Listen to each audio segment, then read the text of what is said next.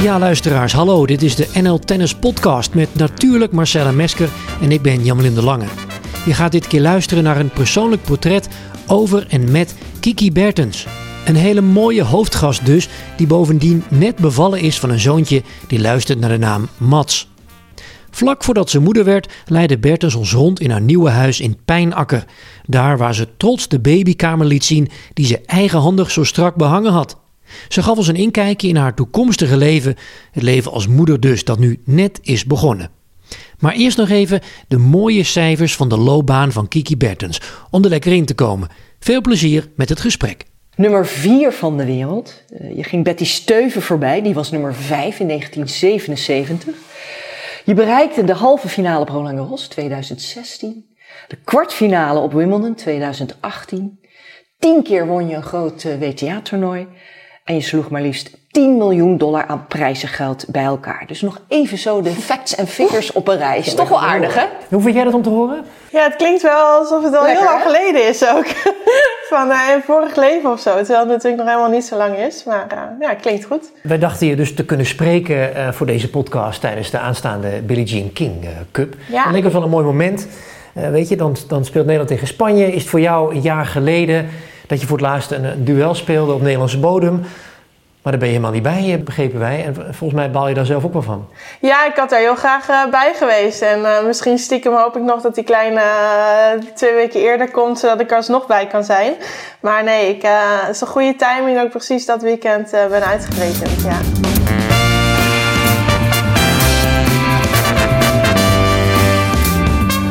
Om met de deur in huis te vallen, wat wordt het, een jongen of een meisje? Het wordt een jongen, ja. Kleine ja. Remy, ja.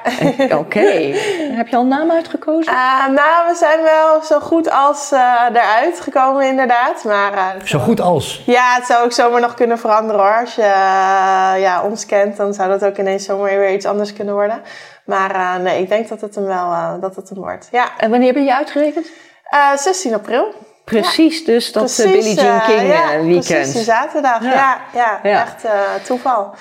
Kleur van de babykamer, behang al uitgekozen? Ja, nee, dat is ook echt de enige kamer die we zelf hebben gedaan eigenlijk in heel het huis. Dus uh, nou, misschien kun je zo daar ook wel een, een kijkje gaan nemen. Ja. Draagzak of uh, buggy? Ja, allebei maar hè. Ja, van alle, alle markten thuis. Ja. ja.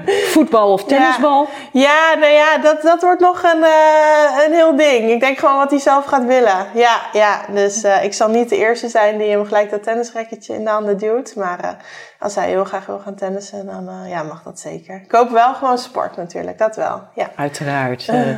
nou, wij dachten van wat zal er op de grond liggen? Gravel op, of ja. hoogpolig tapijt. maar...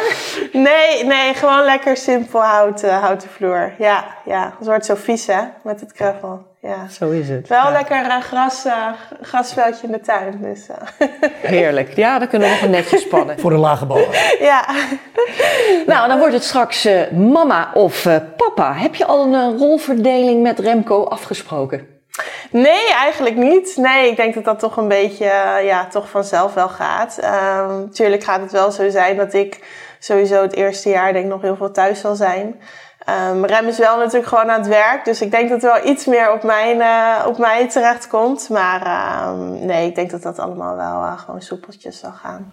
Ja, en je zegt remmen voor de luisteraars, dat is Remco natuurlijk, ja. jouw man. Ja. Dan weet iedereen over wie je het hebt. Hij is, hij is nu niet thuis, misschien wil ik die straks nog even langs, want dat gaan we vanzelf uh, merken. Ja. Um, Kiki, bedankt. We zijn uh, te gast hier uh, dus, dus bij jou in het nieuwe, hele mooie huis in, in Pijnakker vlakbij Zoetermeer voor eh, degene die, eh, die zich afvragen waar is dat dan precies. Hier naartoe verhuisd vanuit Breda. Ja, het is alweer, uh, wat is het, bijna 2,5 jaar geleden toen uh, ja, het stuk grond ge, ge, gekocht. Alleen het duurde gewoon even voordat alles klaar was. Iets langer dan gedacht. Maar ja, nu qua timing denk ik kwam het perfect uit. Alles na de carrière in één keer achter elkaar. Ja. En ook een strategische keuze volgens mij. Hè? Want jonge gezinnen voelen zich hier volgens mij ook prima thuis. Ja, ik hoop het wel. Ja, er zijn wel een paar andere kleintjes inderdaad nog. Voor het, uh, verder wel uh, wat, wat oudere kinderen om ons heen. Maar er zijn ook wel een paar uh, jonkies nog. En ja, we hebben gewoon alles dichtbij. Dus het is ja, gewoon ideaal, denk ik, om, om lekker op te groeien met lekker veel ruimte. Als je het huis zo een beetje zo in zijn algemeenheid... We, we zoomen straks nog wat in op wat details. Wat voor soort huis is het? Hoe, hoe voelt het? Ja, het voelt voor mij echt wel alsof, uh, ja, vroeger als ik een droomhuis voor me had, was het wel, zag het een beetje er zo uit. Is wel echt dat landelijke uh, rieten dak hebben we dan, wat ik altijd wel heel graag uh, wilde. Um, ja, gewoon lekker vrijstaand, lekker tuintje eromheen. Dus um, ja, eigenlijk alles waar ik vroeger van gedroomd had en misschien dacht dat ik nooit zou kunnen gaan kopen, dat is ja, nu toch gelukt. Dus ja, ik ben hier stiekem wel erg trots op. Ja. Ja, en tijdens je carrière viel af en toe de opmerking, gewoon als je dan later thuis op de bank zit, was dan dit ongeveer het, het beeld wat je ook, ook voor je had van nou, ooit, ooit dit alsjeblieft? Ja, dat, dat had ik wel heel graag gewild. Ik heb me nooit echt in Breda, um, tuurlijk hadden we ook gewoon een lekker huis, maar um, je voelt je nooit echt thuis, omdat je altijd maar uit je koffer leeft en... Um, ja, je maakt dat nooit echt eigen. En nu was het wel dit gewoon, hebben we vanaf begin af aan wel gewoon geprobeerd gewoon om echt ons ding van te maken. En um, ja, je echt thuis te gaan voelen. Dus, en na zo'n korte tijd voel ik me eigenlijk al meer thuis dan, uh, dan dat ik in Breda heb gedaan. Dus ja, dat is gewoon wel heel erg, uh, heel erg prettig, ja. De komende jaren ga je natuurlijk een heel ander leven leiden dan je tot nu toe hebt gedaan. Uh, niet meer de geur van een uh, ja, tennishal, soms een stinkende tennishal of van net gedroogde verf. Maar laten we eens een, een blik in de toekomst werken, werpen en uh, eens kijken hoe jouw ja, toekomstige leven eruit gaat zien in dit huis en in deze omgeving. En ja, zullen we gewoon maar eens een beetje rondkijken, uh, rondleiding Ik ben benieuwd van jou wat jullie ervan door vinden. je ja. mooie huis. We gaan even aan de wandel in je huis als je het niet erg vindt. Oh ja hoor, Mogen we zo vrij zijn? gaan we zeker doen. In, in, uh, in de keuken bijvoorbeeld. Ja, nou die is Hoe uh, hier moeten we. Kiki als, als kokkin zien, kokkin zien de komende jaren? Nou, ik wil niet zeggen dat ik een fantastische kok ben, maar uh, we hebben wel in ieder geval. Uh, en ja, wel steeds meer. Dus het is nu wel vaak, uh, als wij gewoon met steentjes thuis zijn, dan ben ik wel degene inderdaad die kookt. Um, ik wil niet zeggen dat ik uren, uren hier in de keuken sta, maar... Uh, Favoriete gerecht? Uh, lasagne, toch wel. ja, gewoon toch Italiaanse keuken, wat uh, toch redelijk snel klaar is. Uh, vind ik altijd wel ja, lekker makkelijk. Gewoon lekker snel even wat toch gezonds klaarmaken, dat, dat gebeurt zeker. hey, en Kiki, ik, ik, ik, ik, ik probeer heel erg rond te kijken, ook of ik tennisdingetjes zie. Ik zie helemaal niks. Maar de, Nee. koffie, de, maar de koffie, die komt uit een kopje Oh ja, ja. met het Roland Garros logo. Daar ben ik dan wel weer gevoelig voor. Ja, nee, die heb ik stiekem. Maar er staan er wel iets meer. eh, Er staan er nog een paar, denk ik. Die heb ik stiekem. Ja, hier zie je ook de schoteltjes. Ja, je moet goed kijken. Het is een logootje van ongeveer een vierkante centimeter. Ja. Dat, is, dat, is, dat is me- mensen die dit luisteren. Dat is het enige wat hier volgens mij aan tennis doet denken of aan refereert. Heb ik het goed of niet? Ja, ja, nee, het we vinden dit zelf, vonden we dat het op Roland Garros vonden hele fijne kopjes. En uh, toen heb ik eerst heel netjes gevraagd of ik ze niet kon kopen, maar uh, dat kon niet. En toen hebben ze toch stiekem uh, in een handdoekje en in de tas gewikkeld. Misschien niet helemaal goed, maar toch een aandenken aan die, wat is het, tien jaar Roland Garros. tien keer dat ik daar heb gespeeld, om toch een paar kopjes in huis te hebben. En misschien een beetje zoals de handdoeken van Wimbledon of de handdoeken. Ja. eh, Daar heb je er wa- waarschijnlijk ook wel een verzameling Ja, van. die liggen wel allemaal boven nog. Ja, nee, die, uh, die liggen zeker allemaal nog. En ja, het zijn toch dingen die je dan altijd meeneemt. Ja, nou even de tv-hoek opzoeken, Kiki. De tv-hoek, benieuwd, eh, ja, dat is aan de andere We kant. gaan vanuit de keuken, eh, zetten we een stap of vijf. En eh, dan zien we hier een heerlijke bank eh, staan. Ja, een kleintje. Nee, die is behoorlijk groot. Iets Ja. groter uitgevallen dan dat we dachten. Die past een heel groot gezin op, eh, Kiki. Ja, dat zijn we niet van plan hoor. We beginnen gewoon met één en dan zien we wel. Nee, dit is eigenlijk het, uh, ja, eigenlijk hier vooral het hoekje waar ik momenteel nog best veel lig. Uh, toch smiddags uh, stiekem een klein uh, tukkie doen uh, voor de televisie, lekker serietje kijken. En tennis-tv wordt hier uh, gebinged of... Nou, ik wil niet zeggen voortdurend, nee. Maar als Aran of een van de Nederlandse gasten aan het spelen is, dan staat hij zeker aan. Dan ben ik echt wel aan het kijken. Dus, maar verder, het is niet zo dat ik alles meer volg. En, maar tijdens je carrière keek je volgens mij ook niet heel veel, toch? Nee, toen keek ik eigenlijk nooit. Um, dus ik moet wel zeggen dat ik nu meer heb gezien, denk ik, dan uh, tijdens mijn carrière. Dus dat is wel grappig. Maar ik denk gewoon dat ik er toen zoveel al mee bezig was, dat ik dan zoiets had van, nou, lekker tijd voor wat anders nu. En ja, nu vind ik het toch wel leuk als Aram dan speelt om, uh, om Voel haar je te dan iets spelen. bijzonders? Uh, hoe, hoe Ja, ik, je nou dan? ja, ik hoop gewoon natuurlijk dat zij, heel, eh, dat zij altijd wint. Dus dan zit je toch met een beetje spanning hier zit je te kijken. En ik denk dat ik gewoon voel wat misschien mijn ouders altijd gevoeld hebben als ze naar mij keken. Gewoon inderdaad dat je hoopt gewoon dat iemand het heel goed doet en dat iemand wint. En ehm, ja, dat je gewoon een beetje meeleeft vanaf, eh, vanaf afstand. En ehm, ja, ik denk dat ik het zo een beetje eh, kan omschrijven. En, en, en leef je dan nog een vorm van support of zo? Want je ziet natuurlijk ook van alles. En, je- en je kent de speelsters die nu spelen. Of ben je verder helemaal losgezongen van het tennis? Nee, ja, af en toe stuur, eh, stuur ik wel eens een berichtje. Maar ik vind het soms ook best wel lastig hoor. Want het is. Ja, zelf vond ik dat soms ook wel. Dat ehm, heel vaak hoor je juist de dingen als het goed gaat, hoor je wel iets. Of dan als het wat minder gaat, weer niet. En dan is het toch wel echt heel erg van: oké, zoek je je momenten uit. Stuur je dan altijd wat of niet. Dus ik vind dat altijd best wel eh, moeilijke dingen nog. Maar ehm, ja, zo af en toe een berichtje, dat eh, zeker. Toen je stopte, hè, heb je daar verder eh, geen traan om gelaten? Als in, je was er aan toe, weet je. Dit, het is gewoon klaar. Dit Ja. is het moment. Het is helemaal leeg. En, en nu is er, is er iets van gemis of is er iets van wat je mist aan het tennis, of aan het tennis bestaan, wat je niet zozeer voelde toen je net was gestopt of het net bekend had gemaakt. Nou, het lekkere zonnetje, dat eh, mis ik vaak wel. eh. en nu, ik moet zeggen, Indian Wells is natuurlijk nu bezig. En dan zie je van iedereen, zie je weer... oh, Nu natuurlijk op social media zie je alle mooie filmpjes. En dan denk ik wel, ah, dat was wel echt een heel gaaf toernooi altijd om te spelen. En mooie omgeving. En ehm, ja, het park ook gewoon met alle fans. Maar ehm, nee, het is niet zo dat ik echt daar naar terug verlang. Maar naar, het, naar de plekken denk ik wel, dat wel. Maar naar het tennis zelf en die stress, eh, nee, absoluut niet. Het is meer de lifestyle die erbij horen, die dingen in zich heeft. Ja, of nou ja, het plaatje zelf. Terwijl inderdaad dan de lifestyle, omdat ik wist wat ik er allemaal voor moest doen. En dat je er toch natuurlijk niet altijd van kon genieten, omdat je altijd toch hard aan het werk was. Ehm, dat maakt het alweer eh, een stuk minder. Dus als ik dan die, die plaatjes nu zie van Indië Wells en ik weet wat ze ervoor moeten doen, om daar dan denk ik toch van nou, dan maar liever hier lekker, eh, lekker thuis op de bank. eh, ja, en dan gaan we wel weer lekker op vakantie en wie weet daar nog een, daar nog een keer gewoon kijken. Nou, dat zegt ook wel genoeg. Hè? Dan ben je er eigenlijk naar gaan kijken als, als, als een fan eigenlijk. Ja. Die gewoon de mooie buitenkant ziet. Maar zodra je naar de binnenkant duikt, dan, dan zie je eigenlijk inderdaad van wat, wat je afschrikt. En waar- waarom je ook gestopt bent misschien wel. Ja, en ook gewoon dat je niet meer, terwijl het, is natuurlijk nog niet zo lang geleden, maar dat je je niet heel goed kan voorstellen ehm, dat je het altijd maar zo hebt volgehouden. Al die jaren, dag in, dag uit, al dat trainen. Weet je, als ik nu denk dat ik, eh wat is het, een jaar geleden nog eh, vier tot zes uur per dag aan het trainen was, dan denk ik ja, dat kan niet. Terwijl ja, je hebt het jarenlang gedaan. Dus dat gewoon, dat gevoel, dat is best wel gek om te hebben. Dat dat voor je gevoel zo ver weg is.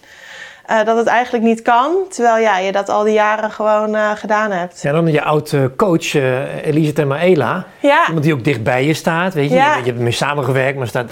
Die is natuurlijk bezig met een bijzonder project. Die wordt de nieuwe Billie Jean King Cup captain. Ja, Of dat is ze al, maar dat daar gaat ze natuurlijk... ja, de eerste ontmoeting. De Ja. eerste ontmoeting is het, er, is het er aan te komen. Om te beginnen, wat, wat, wat- hoe zie je haar in haar nieuwe rol? En, en denk je dat die, dat die haar op het lijf geschreven is? Ja, ik denk zeker dat het een hele goede rol voor haar is. Het is natuurlijk iemand die heel erg betrokken is. ehm, die altijd alles probeert te weten en alles sowieso volgt.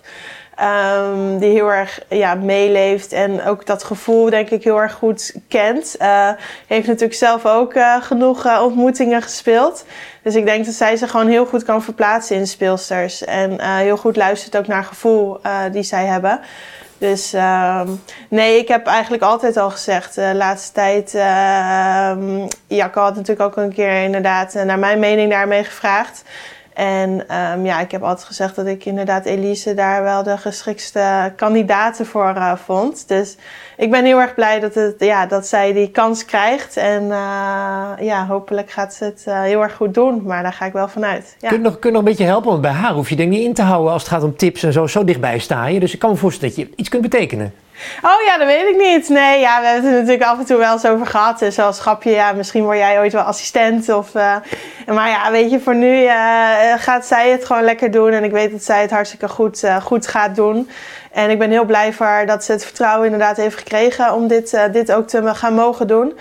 En uh, ja, wie weet, als ze eens een keer wat vraagt, dan kan het altijd. Maar uh, nee, ik zie haar echt uh, als coach daar. En ik zie mij toch, toch dan meer als speelster en nog absoluut niet als coach. Nee, maar nee. je zou je misschien wel op een stoeltje kunnen zien zitten in de toekomst om een bijdrage te leveren. Nou, dat zou me wel. Ja, het zou me wel heel erg leuk uh, lijken, inderdaad. Om toch ooit uh, misschien. Uh, ja, daar. Ik denk dat ik ook wel genoeg heb meegemaakt. Maar meer ook met de speelsters, hoe die zich voelen. En die spanning tijdens zo'n week. En hoe gaaf het toch ook is om dat met z'n allen te doen. En ik heb dat toch altijd een van de leukste weken altijd tijdens het jaar gevonden met z'n allen. Dus uh, ja, ik baal er wel van dat ik er niet gewoon ook bij kan zijn. Het zal ook niet een hele gemakkelijke taak voor haar zijn. Want ja, de, nee. de meisjesvijver in Nederland loopt niet over. Hè? De, de, de leeftijd van Aran, uh, Richel, heel erg op de achtergrond. Leslie doet het nu wel weer goed, maar ze zijn toch allemaal wat ouder. Dus ja. wachten is toch wel weer op wat jonkies. Dus wat dat betreft heeft ze niet een hele makkelijke aanstaande periode. Nee, het wordt natuurlijk wel pittig. En zeker als je dan een loting ziet als je tegen Spanje moet. Uh, die natuurlijk gewoon uh, heel veel goede meiden hebben. En uh, ja, bij ons is het inderdaad toch iets minder als je kijkt naar de ranking. En ook inderdaad als je kijkt wat er qua talenten natuurlijk opkomt. Het is gewoon nog ja, niet goed genoeg. Dus het ja, hopelijk dat de jonkies een beetje snel door gaan groeien inderdaad. En sneller dat uh, niveau aan gaan kunnen. En dat het uh, ja, Nederlands tennis toch weer uh, een stukje groter wordt. Um, al doet Aran het natuurlijk gewoon wel echt geweldig. laatste jaren hoe die is teruggekomen. En ik heb gewoon wel heel erg vertrouwen in haar. En ook het niveau wat zij altijd in de Fed Cup heeft laten zien. En haar betrokkenheid heeft bijna altijd gespeeld. Dus um, nee, ik weet zeker ook dat zeker dit team ook voor verrassingen kan zorgen. Alleen het is toch fijn als je natuurlijk vier topspeelsters hebt uh, die dat niveau week in week uit spelen en niet uh, alleen tijdens de Fed Cup. Jij was uh, heel jong toen je doorbrak hè, en je eerste titel won. Ja. kun je nog iets daarvan herinneren? Want wij hebben nog heel stiekem een, oh een foto meegenomen. Ik pak hem er even bij. Een jonge, jonge Ontzettend leuke foto. Hier, kom Ah. kijken. En daar viel ons één ding wel heel erg op.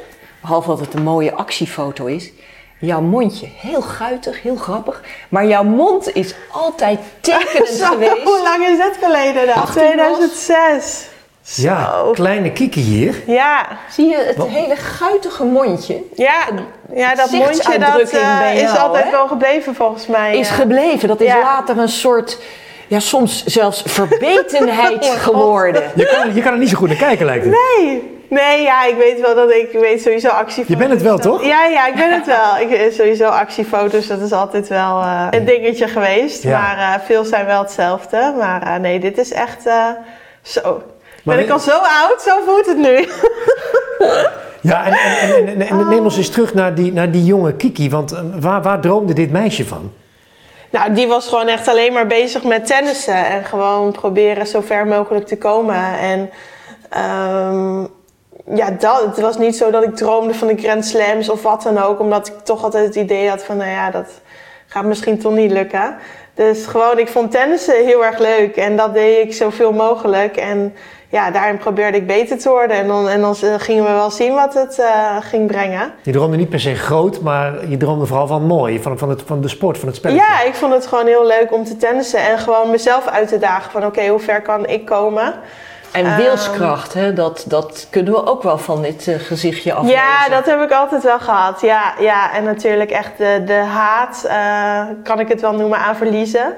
Uh, ja, dat heeft er gewoon altijd in gezeten. En, en nog steeds hoor. Als wij uh, s'avonds uh, hier lekker aan tafel een spelletje zitten te doen, dan gaat het ook niet altijd gezellig aan toe. Dus nee, dat, de wil om te winnen, die is er, ja, die zal denk ik altijd blijven. Wat ons ook opvalt, aan, aan, als je het hebt over de blik. Uh, ik heb vanuit mijn eigen filmrol, hè, ik heb je in de loop der jaren vaak gefilmd. Ja. En dan viel me op dat of, of het was een hele uh, gespannen blik, maar op hele mooie momenten was het ook een hele ontspannen, ontspannen gezicht. Hè? Daar, daar zaten allerlei Er zat niks tussenin, hè? Eigenlijk niet, nee. nee. Zo, zo ervaar jij dat ook? Zo ja, voel jij dat? Ja, nee, ook inderdaad. Dus of de spanning was echt heel hoog. Um, Of het was eigenlijk heel erg van, nou oké, ik weet dat ik me alles heb gedaan en ehm, meer kan ik niet doen en dit is het.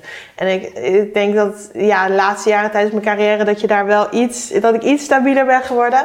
Maar ja, het zou voor mezelf misschien wel wat leuker geweest zijn als ik iets eerder die uh, balans had gevonden. Ik zat vaak heel dicht op jou hè, met de lens. En ik zag Ja. bijvoorbeeld eh, tijdens die mooie run in Parijs, daar viel me toen op hoe ontspannen je keek tijdens je slag. Ja, Is dat, is dat voor jouw gevoel ook een moment geweest waarin je dat zo voelde? Of zeg je, nou dat filmde je misschien wel, maar dat is een, dat is een slecht voorbeeld. Ik heb het nu over die, die run naar Nee, de ja, halve nee, finales. maar dat was het toen zeker. Want het was toen natuurlijk al eigenlijk dat die week ervoor won ik toen natuurlijk Nürnberg. En dat was toen mijn tweede, eh, was dat? Mijn tweede titel. Tweede titel. En ehm, die eerste was natuurlijk vier jaar daarvoor. En toen had ik helemaal niet door hoe bijzonder dat eigenlijk was. Omdat ja, je wint dan eh WTA-toernooi. Terwijl ja, het was een van mijn eerste WTA-toernooien die ik speelde. hè? Ja, in Marokko. Ja. Het was de eerste keer dat ik me kwalificeerde voor een hoofdtoernooi. En ja, als je dan een toernooi wint, dan denk je niet van hoe bijzonder dat is. Het was meer van, nou oké, dan zal dit misschien wel vaker gaan gebeuren. Maar ja, als je dan merkt de jaren daarna dat dat dus toch niet zo makkelijk is, dan weet je wel dat dat heel bijzonder was. En ja, als je dan vier jaar later dan je tweede toernooi wint. En vanuit daar gelijk door moet naar Parijs. En toen moest ik natuurlijk ook tegen Kerber, eerste ronde, die net Australian Open had gewonnen. Dus er was meer van, nou ja, alles nu is bonus. En het ging gewoon vanzelf. En die modus, die heb je inderdaad maar te, die vind je misschien vier, vijf keer in je carrière. Dat je niet hoeft na te denken over je slagen, of over je bewegen, of over je lichaam. Dan Of, zit je in de zone. ja, en dan gaat het gewoon vanzelf. En ehm, ja, in Madrid heb ik dat dan ook eh, één keer gehad natuurlijk. Maar ja, die, die, die momenten zijn gewoon op één hand te tellen. Cincinnati. Ja, ja, dus en dan, ja, dan is het eigenlijk allemaal zo van, nou oké, het gaat gewoon vanzelf. Je denkt er niet over na. En ja, als ik nu verlies is het ook oké. Dan heb ik ook gewoon mooie weken gehad. En dan gaan we gewoon vanaf hier weer door. Maar dat is ja niet zo heel vaak gebeurd. Nee, en het is ook gevaarlijk waarschijnlijk om, om steeds uit te gaan van die modus, want dat zijn de Ja, dat is uitzonderingen. natuurlijk ook niet. Want je kan wel denken, oh wat maakt het uit als ik verlies. Maar dat, ik denk dat die, die haat aan verliezen en het altijd maar willen winnen... dat het me ook wel zo ver gebracht heeft. Dat ik er gewoon altijd alles aan gedaan heb en tot het laatste punt bleef knokken. En misschien had ik die modus gehad van oké, het maakt niet uit dat ik verlies. Dat ik eh, heel veel partijen meer had verloren. Weet je, je weet het nooit. Maar eh, af en toe misschien een beetje meer scheid eraan, om het zo maar even te zeggen, was... eh, ja, misschien voor mezelf iets makkelijker geweest. Maar ja, dat is nou eenmaal hoe ik ben. Ja, maar het is veelzeggend. In al die jaren, dus een keer of vier, vijf, voel, heb je dit gevoel dus, wat ik, wat ik net beschreef. Ja, het is natuurlijk altijd wel dat, het, ehm, dat dingen moeite kosten. Of dat je ergens hard voor moet werken, wat helemaal niet erg is. Alleen dat kost natuurlijk toch meer energie, energie dan eh, ja, dat alles maar eh, vanzelf gaat. En echt op de automatische piloot. En ja, dat gebeurt gewoon Mensen niet zo, beseffen eh. zich dat eigenlijk niet. Nee, hè? Dat nee. dat heel zeldzaam is dat alles lukt. En ja, dat, dat je je helemaal niet, 100% eh, lekker voelt. au- net als autorijden. Van, joh, je stapt in de auto en op een gegeven moment... Je, het gaat gewoon een beetje vanzelf. Ja, het is toch, je moet het aansturen. En een tegenstander kan natuurlijk ook weer net iets anders dan gaan doen... waardoor jij je weer moet aanpassen. En je moet zo blijven nadenken. Dat, ehm, ja, dat het hiermee is het gewoon... eh, ja, heb je dat echt maar een paar keer gewoon. Zullen we even naar de zithoek daar? Een Ja. soort, soort, soort eh, relaxhoek met uitzicht op eh, ja, Ja, weiland. Is om, eh, hier zie je vaak 's ochtends inderdaad mijn, mijn koffietje of eh, ontbijtje doe ik eh, vaak hier. Inderdaad, ga ik lekker op de stoel zitten en die draai ik om en dan kijk ik lekker eh, het weiland over waar normaal dan de schaapjes en zo allemaal lopen. Je zegt, je zit hier wel zo lekker, Ja. het zonnetje naar buiten. Ja. Hè, hoekje even voor, voor Kiki alleen. Ja, Ehm, je zei op een gegeven moment, ik, ik, ik quote nu wat, van nou ik heb best wat emoties en herinneringen weggestopt. Ik ben eigenlijk nog niet eens toegekomen om dat allemaal op te graven. Eh, wat bedoel je daarmee? En, en, en ben je daar inmiddels al een beetje aan toegekomen? Tijdens mijn carrière was het heel vaak, als het dan over toernooien ging, dan was het vaak altijd het negatieve. Of van ja, maar toen verloor ik van die, of dat ging er mis, of dat moest er beter. Dan was meer die verliespartijen of de dingen die beter moesten. En nu is het eigenlijk meer van de mooie dingen die ik herinner. En ja, dat was nu wel, als je dan gestopt bent en je ziet dan af en toe, komt het eens voorbij, of je krijgt herinneringen. Dan was het wel ineens van, oh ja, dat was wel echt heel vet wat ik heb gedaan. Of heel erg knap, of daar ben ik toch stiekem echt wel trots op dat dat me is gelukt. En Dat dus, je eh, nagenieten. ja, gewoon inderdaad dat het echt um, toch stiekem gewoon heel knap is wat ik eigenlijk allemaal heb gedaan. En dat besef is er nu. En dat is er tijdens mijn carrière echt nooit, uh, nooit geweest. Nee. Want, want, als je nog even teruggaat naar een periode en je had een mooie zegen geboekt of een toernooi gewonnen. Uh, hoe voelde dat? Kan je, was dat lichamelijk? Voelde je wat lekker in je buik? Zat het in je ademhaling? Of hè, je hebt dan toch wel een, een, een moment van zegeviering. Hoe, ja, hoe het is dat? Ja, gewoon inderdaad het gevoel van winnen op dat moment. Gewoon gelijk na de wedstrijd. Dat is gewoon heel vet. Weet je, als je het toernooi dan wint. Wat voel je dan? Ja, ik weet niet zo goed wat je voelt. Maar het is gewoon echt van binnenuit meer gewoon echt een soort blijdschap. Van oké, en een soort... Um, um, ja, jezelf complimentje geven. Oké, dit heb ik wel goed gedaan.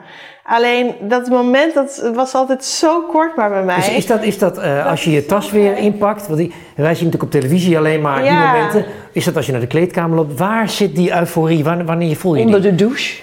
Um, ja, eigenlijk gewoon vooral met de momenten daarna. Niet als ik dan alleen ben, maar meer inderdaad als je het dan deelt met je team. Of als je je familie belt. Of als je je ouders belt. Of met, met Rem samen dan. Weet je, die, dat je het, het, het kan delen. Dat je de andere mensen om je heen ook heel blij ziet.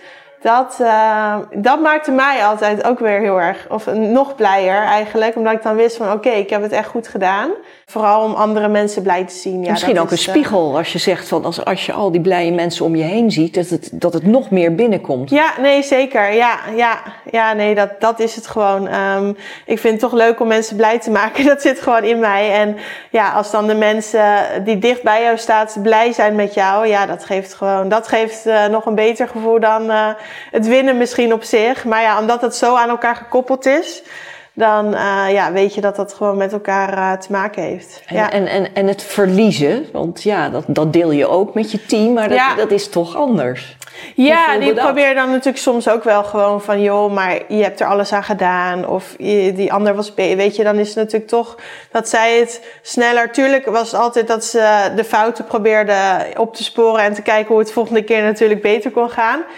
Maar ik was daarin natuurlijk altijd wel nog het hardste naar mezelf toe. Dus eigenlijk, uh, ja, verlies. Te hard? Ja, te hard. Uh, ik denk het ergens wel. Um, alleen aan de andere kant heeft dat er misschien ook weer voor gezorgd dat ik zo ver ben gekomen. Dus ik vind dat altijd wel een hele gevaarlijke. Um, ik denk voor mijn prestaties misschien niet te hard, maar voor het, uh, het plezier en voor het leuke zeker te hard. Ja, dan had ik wel wat liever mogen zijn. Ja. Terwijl het altijd heel gek is, omdat naar anderen toe ben ik veel minder hard. Dus dat is altijd wel dat ik dan heel erg goed kan verplaatsen. En uh, als iemand dan heel hard is voor zichzelf, dat ik dan heel erg kan zeggen van joh, wees niet zo hard voor jezelf. En dan hoor ik het mezelf ook zeggen, dat ik, oh, wat zeg je nou, weet je? Maar dan moet ik gewoon bijna lachen, omdat ik gewoon weet van ja, uh, het is zo anders als dat je er zelf in staat. Om het zelf, voor jezelf is het altijd zoveel anders. En dat merk ik ook wel als je nu inderdaad gewoon van de zijlijn naar tennis kijkt. Dan is dat ja, toch anders dan als je zelf op die baan staat. Dus een stuk makkelijker van de zijkant toch, ja. Vanuit de relaxhoek volgen we Kiki naar buiten. In de tuin is een mooie fitnessruimte gebouwd, inclusief sauna en jacuzzi. Haar favoriete deel, zo vertelt Kiki ons. Het is nog niet helemaal af, maar de bedoeling is dat Kiki hier na de bevalling weer fit wordt. Kiki, je wilt natuurlijk een beetje weer je eigen, eigen lijf terug. Uh, niet helemaal naar toen, maar meer dan, dan je nu hebt in ieder geval. Een fitter lijf. Maar er hoort ook wel een klein beetje tennis bij. Of zie je dat helemaal zonder tennis? Nou, ik dacht altijd dat ik dat inderdaad zonder tennis zag. En dat het uh, ja, wel een beetje misschien af en toe bij sporten bleef. Uh, maar geen tennis meer. Maar nee, ik heb toch toegezegd om in oktober in uh, Luxemburg een uh, toernooi te gaan spelen met uh, eigenlijk allemaal oudspeelsters. Een demonstratie. Een demonstratietoernooi, ja, ja. Maar meer inderdaad voor mezelf, dat ik gewoon weer nu na mijn zwangerschap gewoon weer wat fitter word. Want ik voel me gewoon echt totaal niet fit. Um, en dan heb ik toch een beetje die stok, stok achter de deur om echt wat te gaan doen. Dus um, ik weet niet inderdaad, als ik niet zwanger was geweest, of ik het ook had gedaan. Echt geen idee, ik denk het niet. Maar uh, nee, nu was het gewoon een mooie opzet, denk ik, om weer fit te worden. En dan toch nog, uh, ja, toch Rackets een keer... uit de kast halen. Rackets uit de kast. Heb je ze nog uh, ergens staan? Ja, volgens mij staan nog in Breda volgens mij. ze liggen nog in het oude huis. Dus uh, nee, dus dat komt, ja, dus het stond nog niet helemaal van me af, tennisbaan. Nee. Van tennis in Luxemburg naar een hot item op de Hologic WTA Tour. De mentale gezondheid op de Tour. Hologic, de nieuwe titelsponsor van de Spelersvakbond, is een medisch bedrijf dat zich richt op het welzijn en de gezondheid van vrouwen wereldwijd. Een goede match, zo lijkt het, met de WTA, die zich al veel langer bezighoudt met mentale zorg voor haar speelsters en daarin openheid betracht. Wat is Kiki's ervaring daarmee? Ik vind dat wel lastig, omdat het is voor iedereen anders, denk ik. Weet je, de een vindt dat wel fijn om dat zo openlijk te bespreken. Uh, en de ander niet. En ik denk dat, dat er altijd wel um, um, heel goed gekeken is naar de mentale weers, weerstand van, van iedereen. Alleen dat mensen zich daarover niet echt durfden uit te spreken. Dat iedereen dat zich gewoon meer voor zichzelf hield. En dat het nu gewoon meer de trend is om dat wel uh, uit te spreken. Dus... Ja, als je terugkijkt naar jouw periode. Uh, uh, sinds die tijd heeft de WTA echt heel veel mensen ook in dienst. die daar ja, één op één met de speelsters over ja. kunnen praten. Um, heb jij daar ooit gebruik van gemaakt? Of was het ook iets voor jou geweest als we nu kijken hoe zich dat ontwikkelt? Uh, nee, ik wist wel dat er altijd iemand was. En je had sowieso inderdaad eens per jaar uh, had je daar een gesprek mee. En dan, maar het is natuurlijk altijd aan jezelf wat je daarin vertelt ook. En ik vond het toch altijd fijner om dat gewoon bij de mensen om me heen te, te, zoeken. Dus ik had het gewoon vaak met mijn eigen team. Dat ik daarin gewoon vertelde hoe ik me voelde. En natuurlijk ook wel is inderdaad hulp wel van buitenaf heb ingeschakeld. Gewoon uh, als ik me wat minder lekker in mijn vel voelde. Om gewoon eens inderdaad met een coach te gaan praten. En te kijken hoe en wat. Uh, maar ja, ik vond het altijd gewoon het prettigst om dat inderdaad met de mensen te doen die, die het dichtst bij mij stonden. Um, ja, daar stond ik altijd het meest voor open. En dat is meer hoe ik ben. Alleen ja, iedereen is daar uh, anders in. Ja, als mensen het wel willen doen, uh, ik zou ze absoluut niet tegenhouden. Want het is natuurlijk alleen maar heel erg goed. Alleen ik vind wel altijd die dingen werken pas alleen als je het zelf echt wilt. Uh, als je dat natuurlijk zelf wil veranderen, dan, dan kan het. Hoe zat jij daarin? Um, nou, ik vond het soms wel lastig. Want het was wel, als ik dan... Ik kon natuurlijk ook best wel boos en gefrustreerd en alles op mezelf zijn. Um, en soms wordt het dan best wel, als ik dan... Um, bijvoorbeeld met echt met, als je dan naar een psycholoog of zo soms ging, dan was het van: oké, je mag niet meer boos op jezelf zijn. Maar dan dacht ik, ja, maar het helpt mij ook wel weer om juist weer die grenzen op te zoeken. Dus natuurlijk, die balans, die, die was er niet altijd. Maar ik denk dat het er wel ook ergens weer voor heeft gezorgd dat ik wel zo ver ben gekomen. De balans rond spanning was er dus niet altijd. En Kiki heeft tijdens haar carrière zeker haar portie van ups en downs gehad. In de periode met coach Raymond Sluiter is ze zelfs mentaal heel diep gegaan. Maar met alle coaches was die vertrouwensband het belangrijkste om verdere stappen te maken. Ik denk dat wel gewoon uh, dat ik sowieso altijd wel met al mijn coaches dat je altijd gewoon goed bleef praten. Weet je hoe ik me echt voelde en dat kan ik toch pas echt bij iemand doen als ik me echt totaal op mijn gemak voel. En dat gebeurt niet na een week of na één gesprek of na twee gesprekken. Uh, dat gaat gewoon heel veel tijd overheen. Dus ik denk dat dat ook gewoon de reden is dat ik natuurlijk met iedereen, uh, of met iedereen waarmee ik heb gewerkt, het zijn niet eens zoveel mensen, maar dat het altijd zo'n lange periode was. Omdat bij mij eerst toch dat stukje vertrouwen vooraf gaat en dan pas kan je echt, uh, echt stappen maken. En dat heb ik wel met alle mensen gedaan met wie ik uh, heb gewerkt. Uh, ja, daar voelde ik me echt mezelf bij en daar kon ik gewoon alles kwijt. Dus um, ja, ik vond het dan niet nodig om daarbuiten nog iemand uh, anders daarvoor te zoeken. Is het überhaupt te trainen? zeker, zeker qua spanning. Ja, nee, ik heb, ik heb daar ook de, mijn hulp voor ingeschakeld hoor.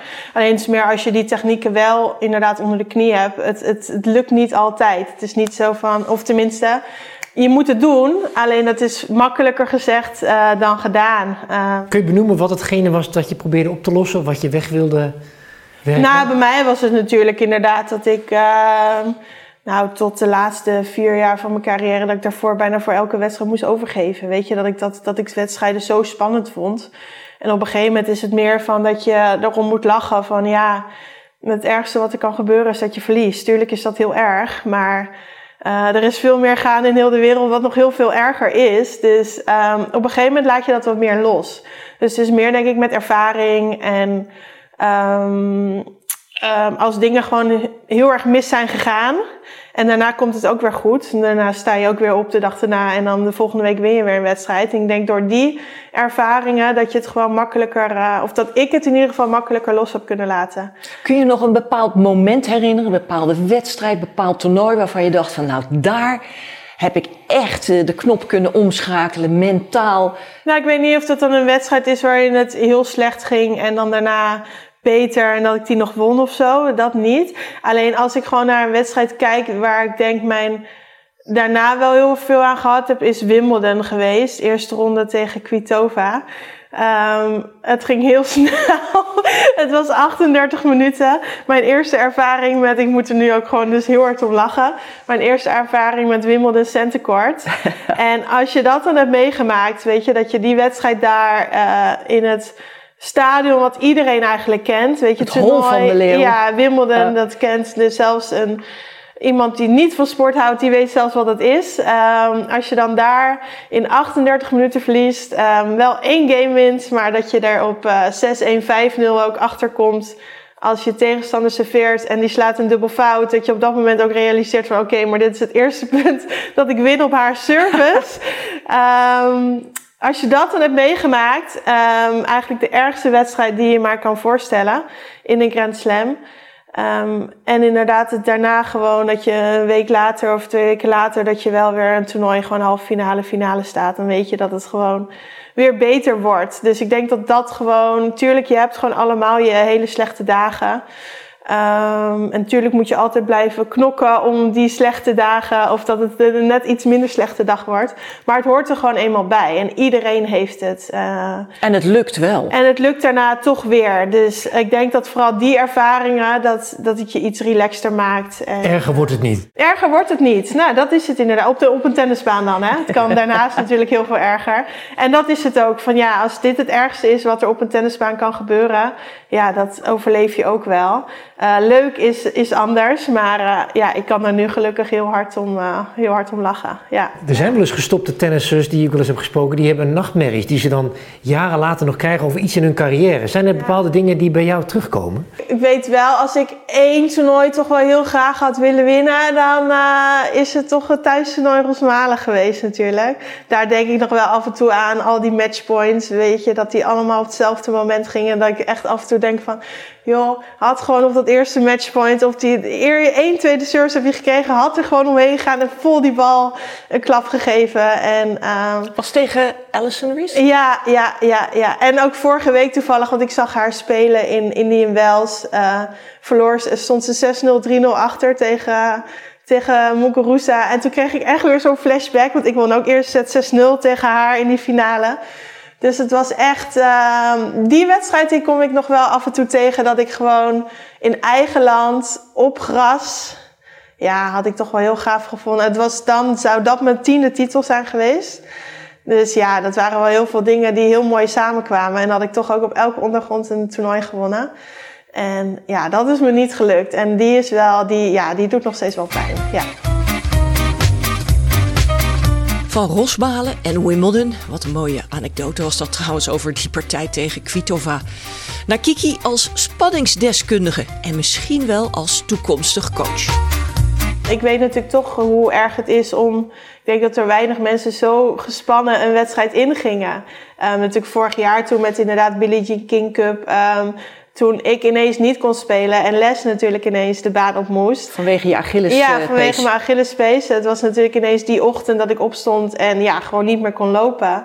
En dan zie je daarna toch Leslie een soort van in paniek van, oh, nu moet ik. En werd bij haar natuurlijk die spanning heel erg hoog. En ik word ook nu emotioneel omdat ik er nog aan denk. Van dat zij helemaal in tranen gewoon was. Van ja, en ik kan dat niet. En um, jij doet het veel beter. En dan moet ik zo, weet je, dat soort dingen. En dan, dan toch iemand gerust te stellen. En van nee, je kan het wel. En um, dat zij uiteindelijk zo'n goede wedstrijd heeft gespeeld. En dat is niet dat, omdat ik die dingen heb gezegd. Dat wil ik absoluut niet zeggen. Maar dat je toch iemand gewoon net iets beter kan laten voelen dan dat hij op dat moment uh, zich voelt.